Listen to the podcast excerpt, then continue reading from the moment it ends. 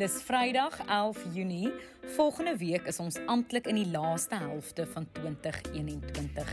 Hierdie jaar vlieg verby, so laat ek nie jou tyd mors nie. Hier is 'n opsomming van die week se belangrikste nuus in jou weeklikse nuus met Spiespot gooi, 'n bondige nuusoorseig met my, Mia Spies.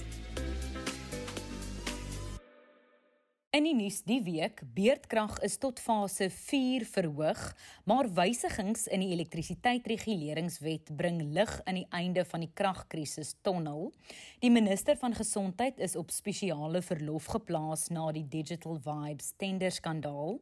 Die instituut van oordraagbare siektes het bevestig dat Suid-Afrika nou amptelik in 'n derde vlaag van koronavirusinfeksies is. Hartseer nuus is dat die legendariese aktrise Charlene Sophie Richards oorlede is. En laasens vertel ek jou hoekom almal praat van die sportnuusleser Jessica van ons buurland Namibië. Laat ons wegval met hoofnuus en dit is dat Suid-Afrika alweer in die donker is danksy beerdkrag. Fase 3 beerdkrag is hierdie week landwyd toegepas. Op 'n stadium is dit tot fase 4 opgradeer. Eskom het behoorlik gespook om die kragnetwerk te stabiliseer. Die hoofredes daarvoor was probleme met opwekkingseenhede by onder meer die Tutuka, Duva, Kusile, Kendal en die Kuiberg kragstasies.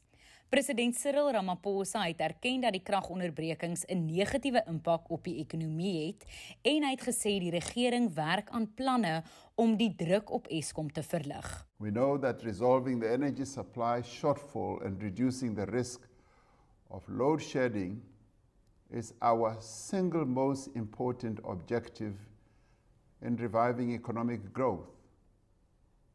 Because there's no economy that can really grow substantially without energy security. Ramaphosa het gesê daar is in die laaste paar weke en maande belangrike stappe gedoen in pogings om energiesekerheid te kry.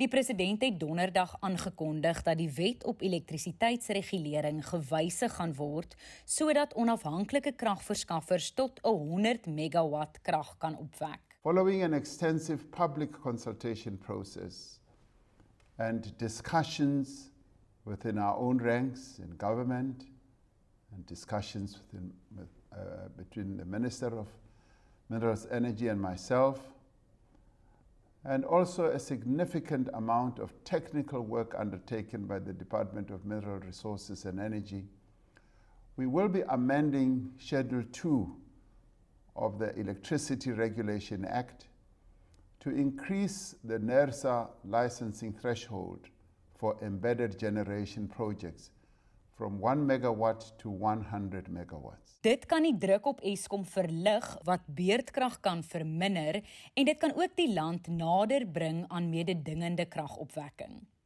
Ramaphosa het ook gepraat oor klimaatsverandering.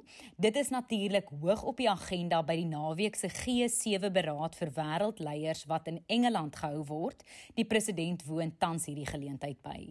Intussen het Ramaphosa ook vroeër die week sy minister van gesondheid, Dr. Zweli Mkhize, op spesiale verlof geplaas. Dit nadat Mkhize glo die president gevra het om dit te doen terwyl die ondersoek teen hom afgehandel word. Dit hou natuurlik verband met die Digital Vibes tenderskandaal van 150 miljoen rand waarby hy betrek word. Mkhize het hierdie week onomwonde om verskoning gevra vir die negatiewe impak wat hierdie hele debakel van korrupsie het op die regering se stryd teen die COVID-19 pandemie. I want to just start by saying that I fully acknowledge and take personal responsibility for the public outrage uh, that has been caused by this digital vibe contract. Also also take want to uh, state it upfront that uh, I do not in any way undermine the voices, the views, the disappointment, the anger, and the calls for accountability. Also, it has tainted the teamwork of our government that uh, is led by President. Die minister van toerisme, Mamaloko Kubai Ngubane, neem in Mkhize se posisie waar. En dis nou amptelik, Suid-Afrika is in 'n derde vlaag van COVID-19 infeksies. Dit is donderdag aand deur die Nasionale Instituut van Oordraagbare Siektes aangekondig. Dit nadat 9149 nuwe gevalle in 'n 24 uur verslagperiode aangemeld is.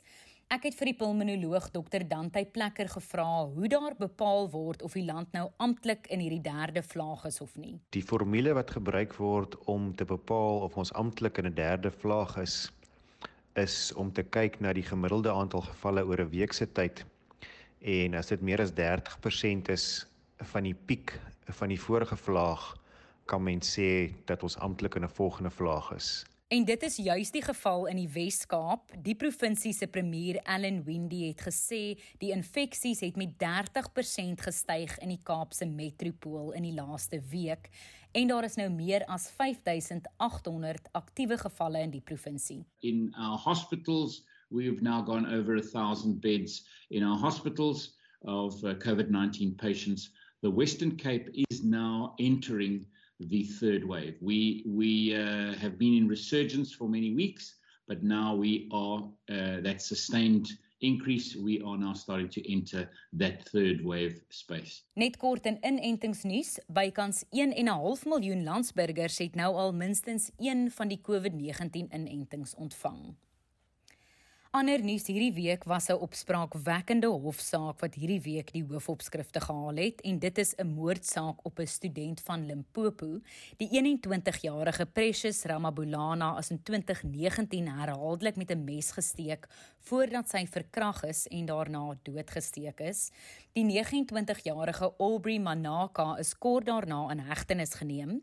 Sy verhoor het nou Woensdag in die Hooggeregshof in Polokwane begin. Hy het skuld beken en hy gaan na verwagting vandag gefonnis word. Ander hartseer nuus hierdie week is die afsterwe van die legendariese en baie geliefde aktrise Charlene Surty Richards. Sy is maandag dood aangetref in 'n gastehuis in Kaapstad. Sy was in Kaapstad besig om aan die televisiereeks Arendsvlei te werk. Die 66-jarige sal veral onthou word vir haar rol as Phila in die film Phila se kind en dan het sy ook diep in Suid-Afrikaners se harte ingekruip as Nena van Igoli. 'n hartroerende dokumentêre film deur die vervaardiger Diana Lucas genaamd Charlene Surty Richards I Am Who I Am is tans op Showmax te sien en sal Sondag aand 8uur op Kyknet uitgesaai word. Hier is 'n uittreksel daarvan. I've led a full life and I've got no regrets and if you must ever ask me will I live my life over I'll say maybe if I have to, but I'll do it exactly the same. Charlene word Sondag te ruste gelê en hierdie diens sal regstreeks uitgesaai word. Ons kyk nou na 'n storie wat die hele land aan die praat gehad het hierdie week. Vroeger die week is daar berig dat 'n vrou van Tembisa aan die Gautengse Oosrand geboorte geskenk het aan 'n tienling. Dit staan ook bekend as decuplets. Daar is berig dat Josiame Tamara Sitole maandag sewe seuns en 3 dogtertjies in die wêreld verwelkom het wat die Guinness Wêreldrekord sal breek. Verskeie regeringsdepartemente probeer egter nog om hierdie geboortes te bevestig. Dan kyk ons na 'n ander storie wat die land geboei het donderdag en dit kom vanuit ons buurland Namibië. 'n Sportnuusleser het nie geweet sy is regstreeks op televisie nie en sy het toe die nuusleser aangevat oor hoe sy haar voorgestel het. Hier is 'n uittreksel van daai regstreekse opname wat nou soos 'n veldbrand op sosiale media verskyn. For more on this, Jessica Good afternoon, Jessica. Good evening. When we speak about sports, we are hearing that Kokola will be fighting on Saturday. No, you're not going to do that. You're just going to greet me and then you say, take it away. You're not going to do that. I heard Please. Jessica, we are live. Die ene Jessica het op Twitter om verskoning gevra en sy het gesê sy het nie besef hulle was regstreeks nie. Nou dat jy weet wat aangaan in die wêreld om jou, deel asseblief hierdie potgooi met ander mense op Facebook of Twitter of selfs op WhatsApp. Kopie net die link in hierdie plasing.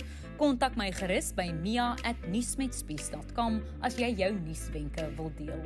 Nuus met Spies is 'n produksie in samewerking met die Potgooi Produksiehuis Volume. Ons vervaardigers is Roland Perolt en Andy Siwe May en ons kenwysie is soos altyd deur Curtis Kahl gekomponeer. Ons praat weer volgende Vrydag. Lekker naweek hou.